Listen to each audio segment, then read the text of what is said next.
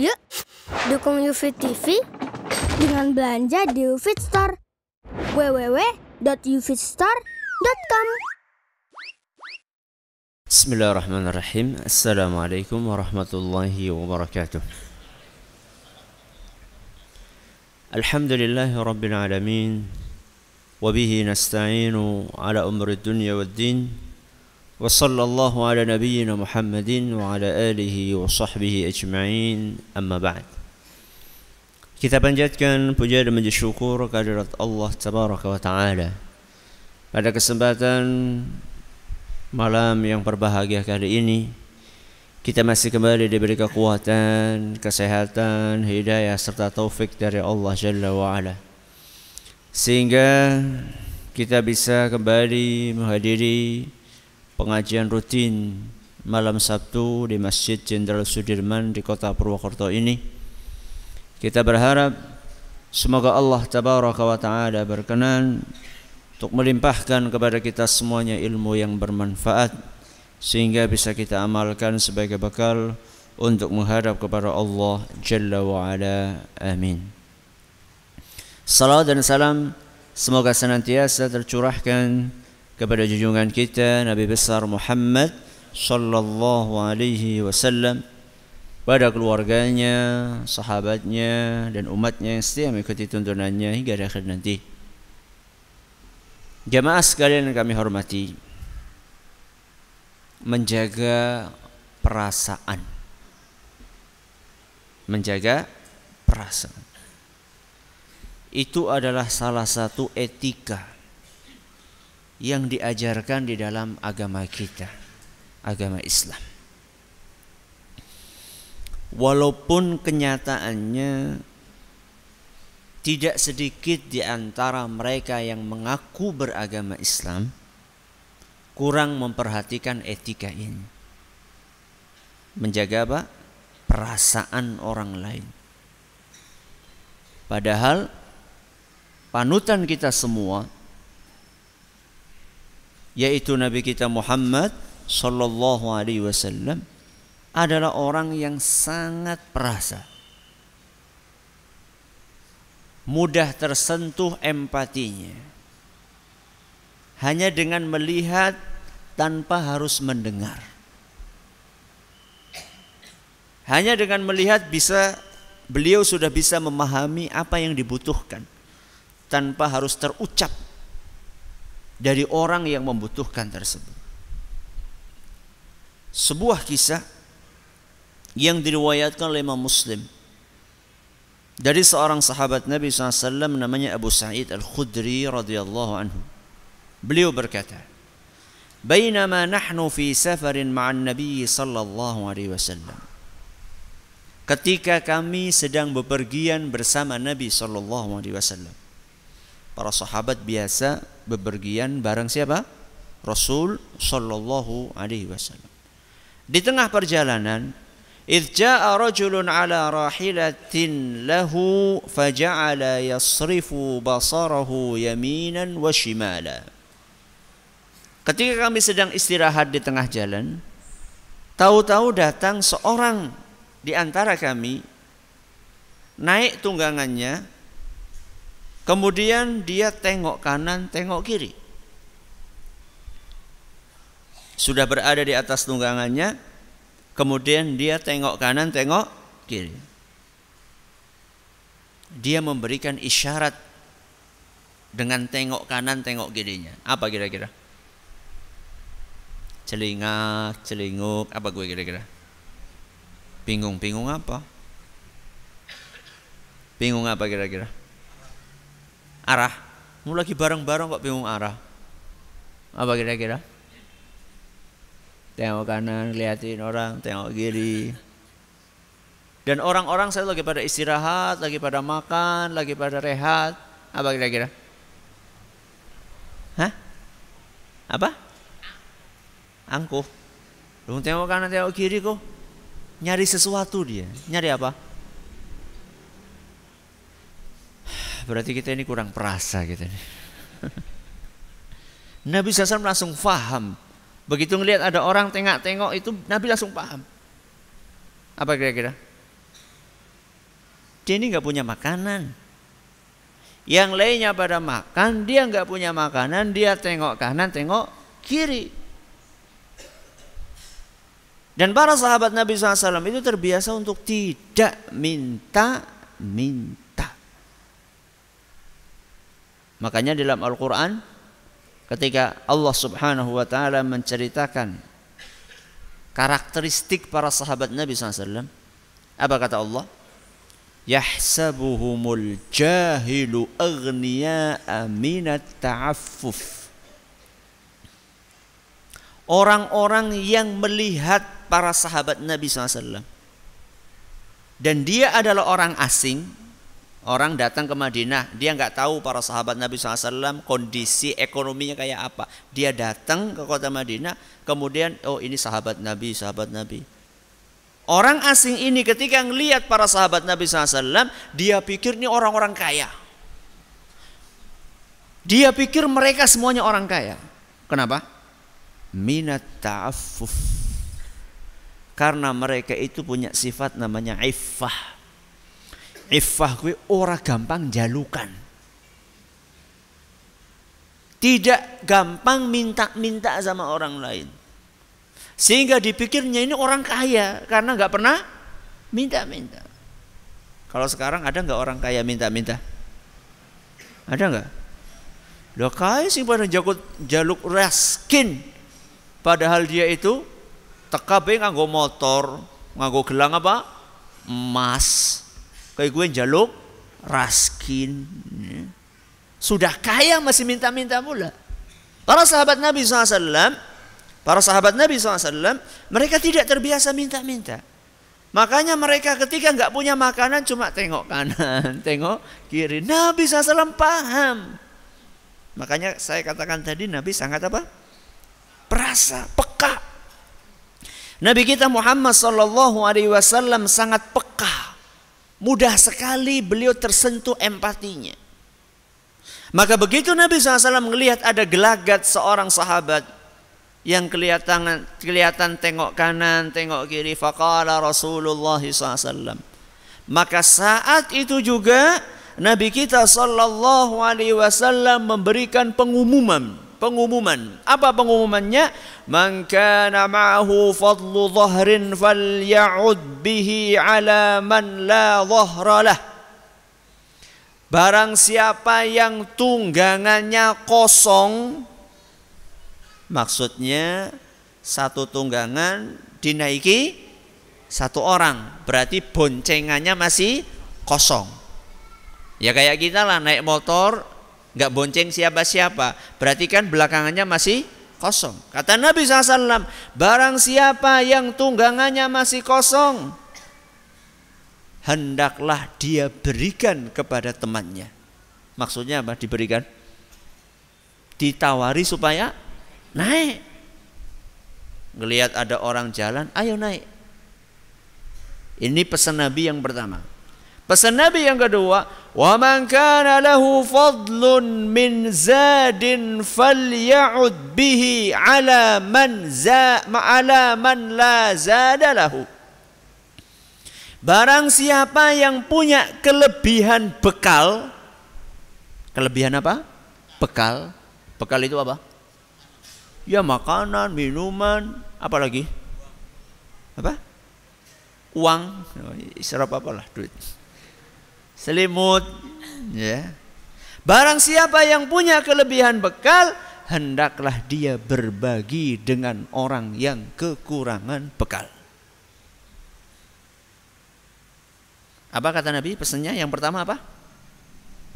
Barang siapa kelebihan tunggangan hendaklah memberikan kelebihan itu kepada orang lain suruh naik barang siapa punya kelebihan bekal hendaklah berbagi dengan orang lain Nabi SAW menyampaikan sabdanya ini sebagai bentuk respon beliau ketika melihat ada orang kekurangan tunggangan apa kekurangan bekal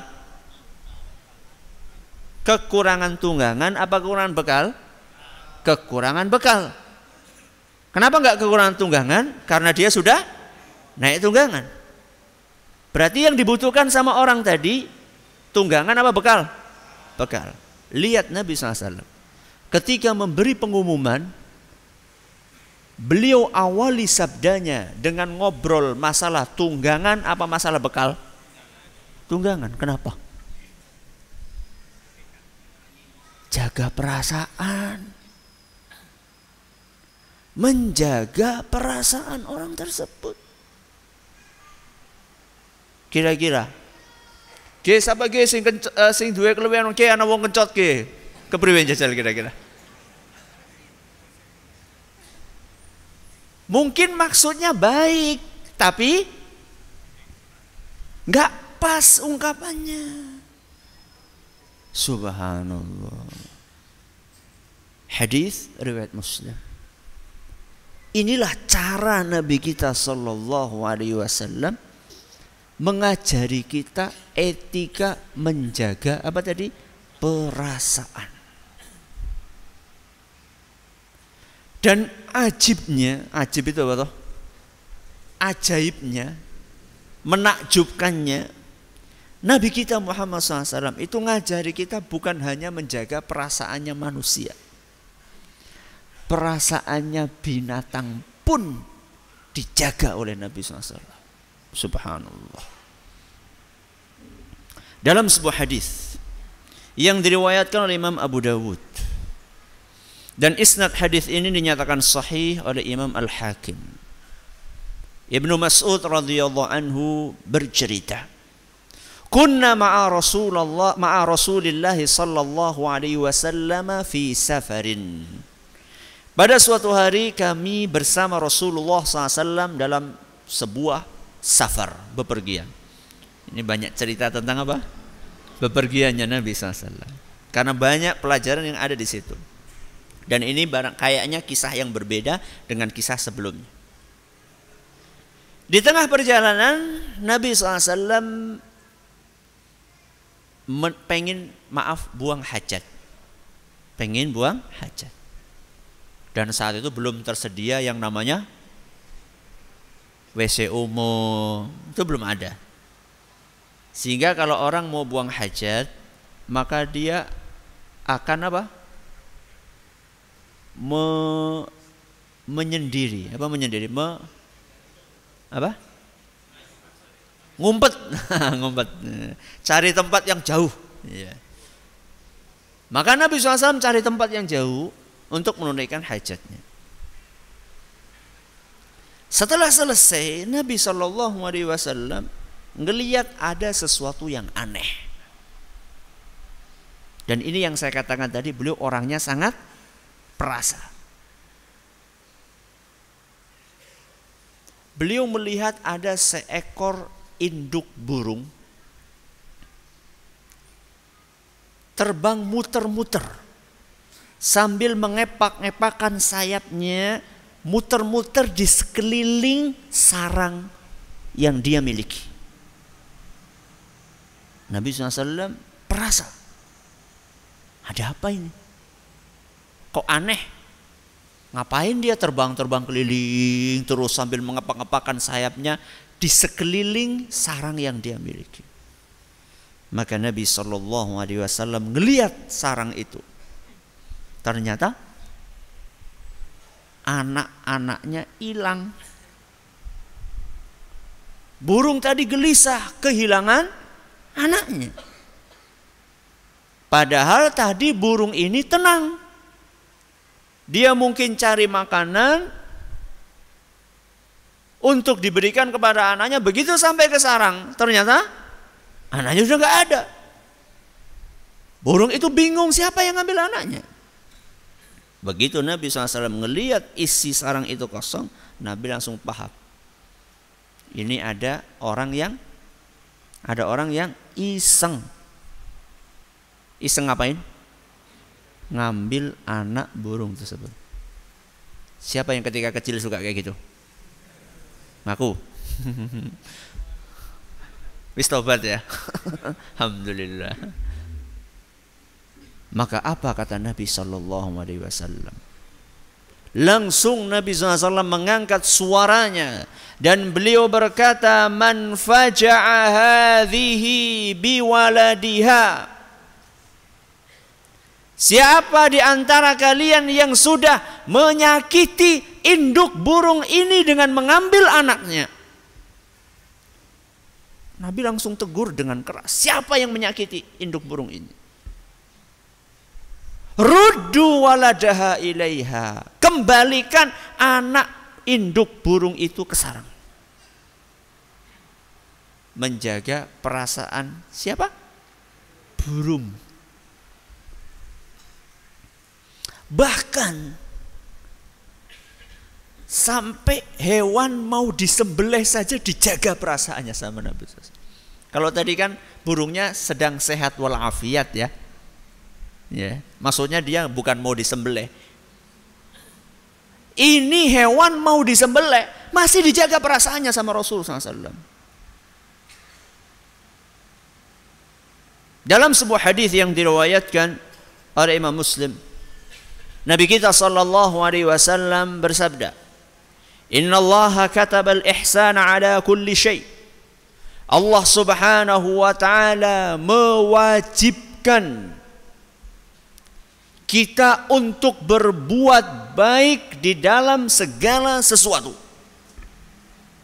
Dalam segala kondisi kita disuruh berbuat baik. Fa idza qataltum fa ahsinul qitlah. Kalau kalian akan membunuh, bunuhlah dengan cara yang baik. Berarti oleh mata ini ya. Boleh bunuh? Boleh bunuh? Bunuh boleh? Bunuh orang yang bunuh orang yang berhak untuk dibunuh. Ya, kisos misalnya. Masalahnya apa? Kisos. Makanya di dalam Islam kisos itu pakai apa? Penggal leher. Dan penggal leher itulah cara yang paling lembut di dalam membunuh. Dosi kepriwe Ustaz? Ya iya. Bukan dengan pistol, bukan dengan apa? Setrum, bukan dengan apa lagi? Suntik mati, bukan. Nabi SAW katakan kalau kalian akan membunuh, bunuhlah dengan cara yang baik. Wa idza dzabhtum fa ahsinu dzabha kalau kalian akan menyembelih, sembelihlah dengan cara yang baik. Bagaimana cara menyembelih yang baik? Wal yuhidda ahadukum syafratahu. Hendaklah kalian asah pisau kalian sampai tajam. Wal yurih dhabihatahu. Rilekskanlah hewan yang akan kalian sembelih. Disuruh apa? Relax. Gimana membuat hewan relax? Gimana? Kemarin nyembelih enggak? Apa kurma ngantuk ya? Di antara bentuk membuat hewan itu rileks dia apa? Usap. Kemudian ketika akan menjatuhkan jangan dia apa? Banting. Kan ada sebagai orang. Ci, lu, blu. Marem. Ada cara yang banyak. Subhanallah, saya ngelihat di di YouTube itu ada cara menjatuhkan sapi. Satu orang bisa. Ya. Saya lupa itu diikat, diikat, diikat terus ditaruh talinya dua di di antara dua kaki terus gimana lah pokoknya lah. Intinya coba cari aja. Cara menjatuhkan sapi yang tidak yang tidak uh, yang tidak kasar. Satu orang. Dipraktekkan kemarin di pondok. Ya di pondok kemarin nyembe nyembelih sapi berapa ya? Empat kalau nggak salah. Empat atau tiga lupa saya. Nah yang dua ini ditangani sama tukang jagal. Atau yang tiga ditangani sama tukang jagal dan caranya mirip tadi itu. Cironu blue nah cara yang keempat ini ditangani oleh salah seorang ustadz pondok satu orang. Cara kayak gitu tadi. Ternyata set bleg. Sudah selesai. Itu di antara bentuk membuat hewan rileks. Dan di antara bentuk membuat hewan rileks wa antuara anil bahaim. Pisau itu ketika ngasah jangan ngasahnya di hadapan siapa? Hewan yang akan disembelih. Bayangkan, sampai ngasah pisau saja nggak boleh di depan hewan yang disembelih. Ini sebagian orang bukan hanya ngasah pisau. Ketika nyembelih pun temennya disuruh ngeliat. Oke, dulu nggih, kancamu nggih. Macam-macam ya.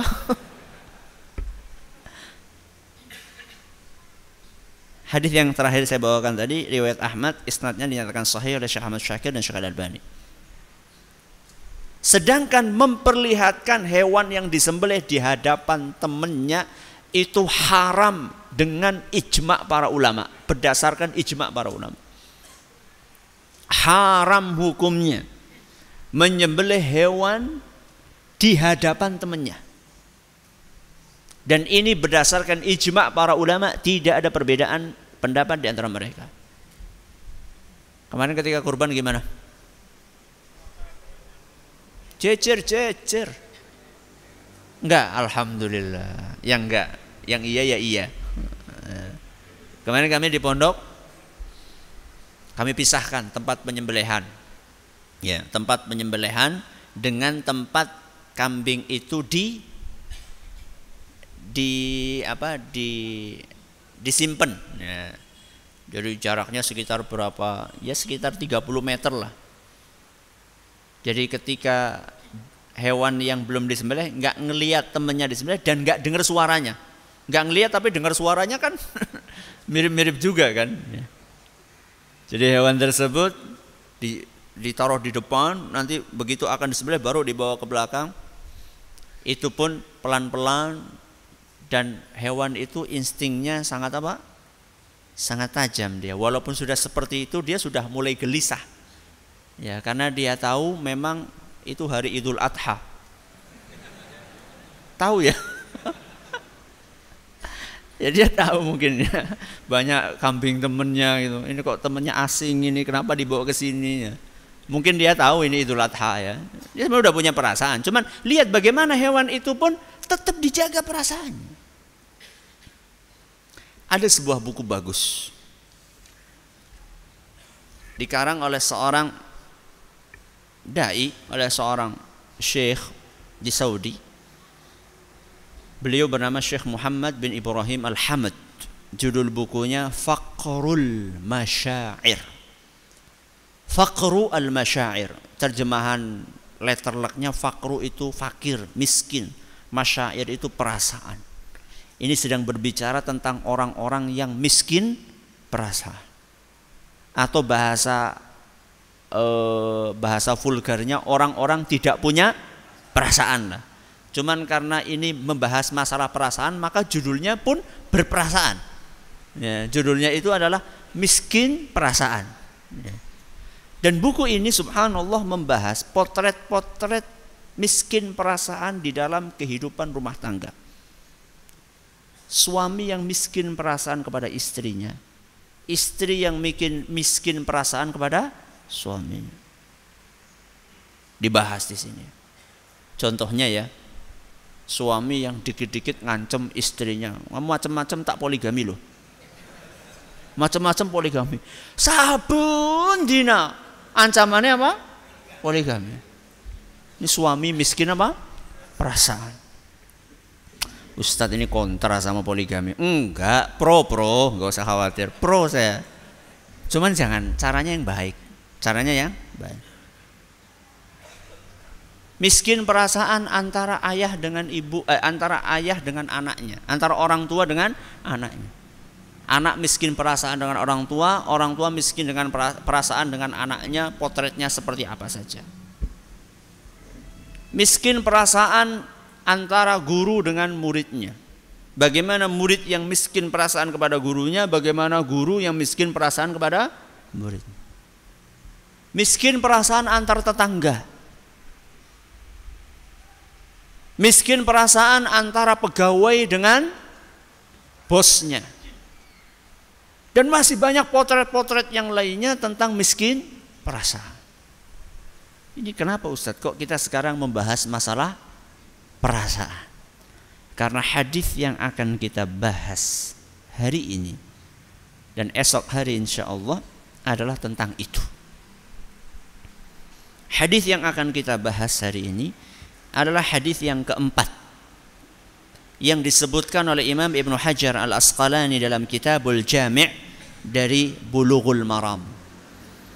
Hadis tersebut berbunyi, "An Ibni Mas'udin radhiyallahu anhu qala dari seorang sahabat Nabi SAW yang bernama Ibnu Mas'ud radhiyallahu anhu beliau berkata Qala Rasulullah sallallahu alaihi wasallam Rasulullah sallallahu alaihi wasallam bersabda Idza kuntum thalathatan fala yatanajathnani dunal akhar Kalau kalian sedang bertiga maka tidak boleh dua orang ngobrol bisik-bisik tanpa melibatkan orang yang ketiga.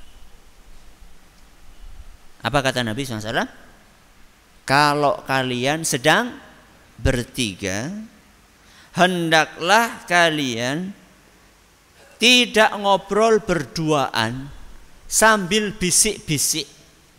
Kalau keras tidak apa-apa. Jangan bisik-bisik berduaan tanpa melibatkan orang yang ketiga. Hatta takhtalitu bin nas. Kecuali kalau kalian bertiga ini sudah bergabung dengan orang banyak. Misalnya seperti ini misalnya. Awalnya bertiga, kemudian tambah banyak, tambah banyak, tambah banyak. Kalau sudah kondisi seperti itu tidak apa-apa. Orang yang ketiga ini sudah punya teman yang lainnya. Kenapa Nabi SAW berpesan seperti itu? Beliau menyebutkan alasannya min ajli anna dzalika yuhzinuhu. Karena praktek seperti itu akan membuat orang yang ketiga itu apa? Sedih. Akan menyinggung perasaan orang yang ketiga. Hadis riwayat Bukhari dan Muslim, sanad yang dibawakan eh, maaf redaksi yang dibawakan adalah redaksinya Imam Muslim. Hadis ini salah satu etika yang diajarkan oleh Nabi kita Muhammad sallallahu alaihi wasallam dalam rangka menjaga apa tadi? Perasaan. Dan kita awali seperti biasa dengan menyampaikan biografi sahabat yang membawakan hadis ini. Siapa tadi? Siapa? Ibnu Mas'ud radhiyallahu anhu. Ibnu Mas'ud ini salah satu sahabat Nabi SAW yang sangat menonjol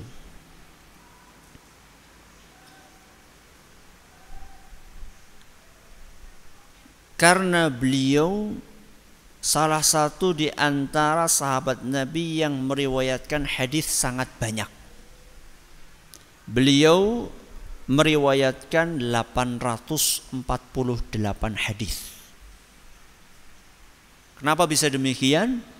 Karena beliau salah satu yang mendapatkan kehormatan untuk membantu dan melayani Rasulullah SAW. Melayani Rasul adalah sebuah apa? Kehormatan. Sehingga beliau ini bebas. Sering banget untuk ketemu dengan Nabi SAW. Bahkan sering kali Nabi SAW membiarkan Ibnu Mas'ud untuk masuk ke kamar beliau. Sehingga Nabi SAW banyak menyebutkan hal-hal kepada Ibnu Mas'ud yang tidak beliau sebutkan kepada sahabat yang lainnya. Ibnu Mas'ud ini termasuk orang-orang yang as-sabiqun al-awwalun. Apa as-sabiqun al-awwalun? Orang yang awal-awal masuk Islam. Bahkan sebagian ahli sejarah menyebutkan Ibnu Mas'ud ini orang yang keenam masuk Islam. Urutannya nomor berapa? Nomor enam. Ceritanya gimana? Diawali ketika beliau masih remaja. Pekerjaan Ibnu Mas'ud ini angon wedus. Menggembala kambing milik seorang kaya yang ada di kota Mekah. Biasanya menggembala kambing di mana? Di padang. Ya, di savana. Ketika beliau sedang menggembala kambing, tengah-tengah menggembala kambing, tahu-tahu datang dua orang. Satunya umur 35-an, satunya 50-an. Dua orang ini kelihatan capek sekali. Kelihatan haus, habis melakukan perjalanan jauh. Maka begitu ketemu sama Ibnu Mas'ud, Ibnu Mas'ud sedang menggembala kambing. Maka dua orang ini berkata kepada Ibnu Mas'ud, "Wahai fulan, kami butuh minum. Kami butuh minum. Bolehkah kami memerah susu kambing kamu?" Apa kata Ibnu Mas'ud? Amat disayangkan sekali ini bukan kambing saya. Saya cuma apa? Penggembala kambing ini saya diamanai oleh tuan saya untuk menggembala kambing ini dan saya tidak mendapatkan wewenang untuk mengizinkan orang lain mengambil walaupun cuma susunya. Dua orang ini nggak protes bahkan takjub. Masya Allah. Seorang remaja begitu amanah. Maka kemudian dua orang ini salah satu yang sepuh berkata kepada Ibnu Mas'ud, "Wahai fulan, coba perlihatkan kepadaku kambing betina yang kambing betina tersebut mandul. Kambing yang mandul dan belum pernah dikawini oleh kambing jantan satupun.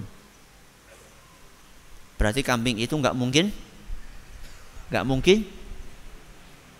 Ya iyalah, nggak mungkin hamil jelas, mandul, nggak mungkin keluar susunya. Oh kayak gue usah ora duwe wedhus sih. Mirip kayak siapa? Kayak wanita, kayak manusia.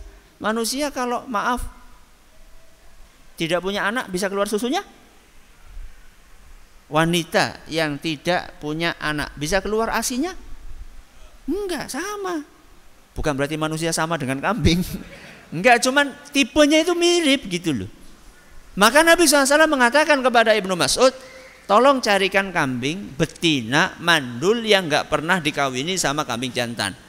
Yang kambing ini enggak mungkin mengeluarkan susu. Maka kata Ibnu Mas'ud, itu tuh kambingnya.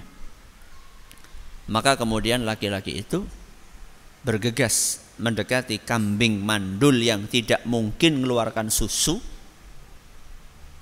lalu diusap apanya? Apanya ya? Susunya. diusap susunya, kering susunya, kempes. Karena memang nggak ada air susunya. Begitu diusap, baca bismillah, ujuk-ujuk langsung melendung. Susu yang kempes itu tiba-tiba langsung penuh dengan susu. Maka kemudian diperah dan laki-laki ini nyuruh temannya coba cari batu yang cekung. Untuk apa? Untuk wadah susu yang tadi terus tadi. Terus ngalir terus sampai batu cekung itu penuh dengan susu. Kemudian laki-laki itu mengatakan stop ya, kepada apa? Kepada susu. stop. Begitu dia bilang stop, langsung kempes lagi. langsung kempes lagi. Ibnu Mas'ud apa? Bengong dia. Ini orang hebat banget ini. Terus dia langsung datang kepada laki-laki itu, tolong ajari saya apa yang kamu ucapkan tadi. Ngomong apa tadi dia? Bismillah. Dua orang tersebut yang sepuh adalah Nabi kita Muhammad sallallahu alaihi wasallam. Sedangkan yang 35 tahunan itu siapa? Abu Bakar As-Siddiq radhiyallahu anhu. Itulah kisah pertama kali Ibnu Mas'ud tertarik dengan Nabi kita Muhammad sallallahu alaihi wasallam. Setelah itu kemudian Ibnu Mas'ud penasaran masuk Islam dan beliau mendapatkan kehormatan untuk menjadi salah satu di antara pembantu Nabi SAW. Dia tinggalkan menggembala kambing, kemudian beliau melayani Nabi kita Muhammad sallallahu alaihi wasallam. Dekat sekali dengan Nabi kita Muhammad sallallahu alaihi wasallam. Dan Ibnu Mas'ud ini salah satu di antara pakar tafsir Al-Qur'an. Sehingga beliau mengatakan tidak ada satu ayat pun di dalam Al-Qur'an melainkan aku tahu al ayat ini turun di mana kapan turunnya asbab nuzulnya apa asbab nuzul? Historisnya turunnya Al-Quran ini seperti apa? Aku tahu semua ayat yang ada dalam Al-Quran. Berapa ayat? Coba sekarang saya tanya. Siapa di antara panjenengan yang tahu kapan ayat turun, di mana turun, asbab nuzulnya bagaimana? Satu ayat saja. Cung. Aku orang ngacung. Satu ayat saja. Yang jenengan tahu kapan turunnya, di mana turunnya, dalam momen apa? Ayat pertama. Yakin Al-Fatihah. Tahu kapan, di mana, asbab nuzulnya. Padahal berapa ayat yang kita baca? Berapa yang sudah kita baca? Pengkopang kaping Ustaz Khatam, Alhamdulillah. Ibnu Mas'ud ini semua ayat dalam Al-Quran beliau tahu. Kata beliau, seandainya ada orang yang lebih tahu dariku, aku akan datangi dia. Aku akan belajar sama dia. Makanya Nabi SAW itu senang banget mendengarkan bacaannya Ibnu Mas'ud. Beliau Sallallahu Alaihi Wasallam pernah mengatakan, "Man arada barang siapa yang pengen mendengar Al-Quran seger seperti pertama kali diturunkan masih apa? Esi seger ya. seperti pertama kali diturunkan dengarlah bacaannya Ibnu Mas'ud subhanallah dengarkanlah bacaannya siapa? Ibnu Mas'ud makanya Nabi SAW pernah mengatakan kepada beliau suatu hari Iqra' alaihi Wahai Ibnu Mas'ud, bacakan Al-Quran. Aku pengen dengar dari kamu. Ya Rasulullah, aqra'u alaika wa alaika unzil. Wahai Rasul, masa, masa saya yang baca di hadapan kamu? Bukankah Al-Quran ini diturunkan kepada kamu? Masa saya yang suruh baca? Faqala na'am. Ya, aku pengen kamu yang baca. Maka beliau pun membaca surat An-Nisa. Surat apa?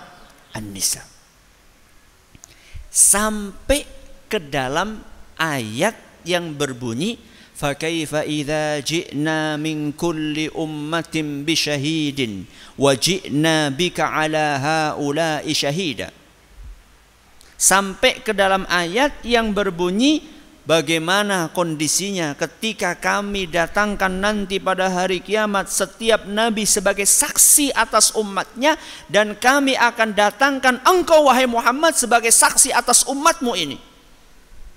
Begitu sampai ayat ini Ibnu Mas'ud berkata hasb, eh, Nabi SAW berkata kepada Ibnu Mas'ud hasbuk cukup cukup maka kemudian Ibnu Mas'ud menengok kepada Nabi kita Muhammad sallallahu alaihi wasallam fa idza ainahu tadrifan. Ternyata ketika beliau melihat Nabi SAW beliau melihat Nabi kita kedua matanya mengucurkan air mata begitu derasnya. Hadis riwayat Bukhari. Kenapa mengucur? Nanti habis adzan silakan Alhamdulillah Rabbil Alamin Salatu wassalamu ala nabiyina Muhammadin Wa ala alihi wa sahbihi ajma'in Wa ba'd Ibnu Mas'ud disuruh baca sama Nabi SAW Baca surat apa tadi? An-Nisa Sampai ayat yang bercerita tentang kejadian hari kiamat. Bahwa nanti pada hari kiamat setiap nabi disuruh bersaksi oleh Allah tentang siapa? Tentang umatnya. Tiba-tiba Nabi SAW menyuruh Ibnu Mas'ud untuk berhenti. Hasbuk, cukup, cukup. Dan begitu Ibnu Mas'ud noleh, ternyata Nabi SAW sudah nangis deras. Kata para ulama, di antaranya disebutkan dalam kitab Tuhfatul Ahwadi, apa yang membuat Nabi SAW nangis? Yang membuat Nabi SAW nangis adalah beliau sedang membayangkan kejadian hari itu. Bahwa pada hari itu Nabi SAW diharuskan untuk bersaksi di hadapan Allah. Bersaksi apa? Bahwa beliau sudah menyampaikan kewajiban yang Allah bebankan kepada beliau kepada umatnya.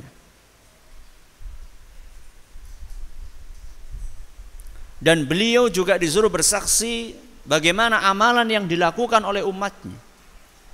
Dan persaksian ini berkonsekuensi bahwa orang yang beriman kepada beliau, patuh taat kepada beliau akan dimasukkan ke surga dan ini tentu konsekuensi positif dan beliau tidak sedih karena itu tapi beliau sedih ketika kesaksian beliau terhadap orang-orang yang tidak mau beriman. Kesaksian beliau terhadap orang-orang yang tidak patuh dengan aturan Rasul SAW nanti kesaksian itu akan berakibat orang-orang ini dijebloskan ke dalam neraka. Itu yang membuat Nabi SAW tidak tahan mengingat momen yang akan terjadi nanti pada hari kiamat. Jadi Nabi SAW sayang sekali sama kita. Enggak seperti kita. Kita kan kalau misalnya ada orang sudah diomongi, omongi, omongi, enggak manut. Akhirnya dia betul-betul sudah dibilangin sama kita, jangan nak naik pohon tinggi-tinggi, bahaya. Kalau jatuh sakit. Bukannya turun malah tambah tinggi. Nak bahaya nak. Bok jatuh nanti. Sakit jatuh. Tambah apa? Tinggi. Ternyata apa? Jatuh. Apa kata orang tua? Apa? Kawus, Bok.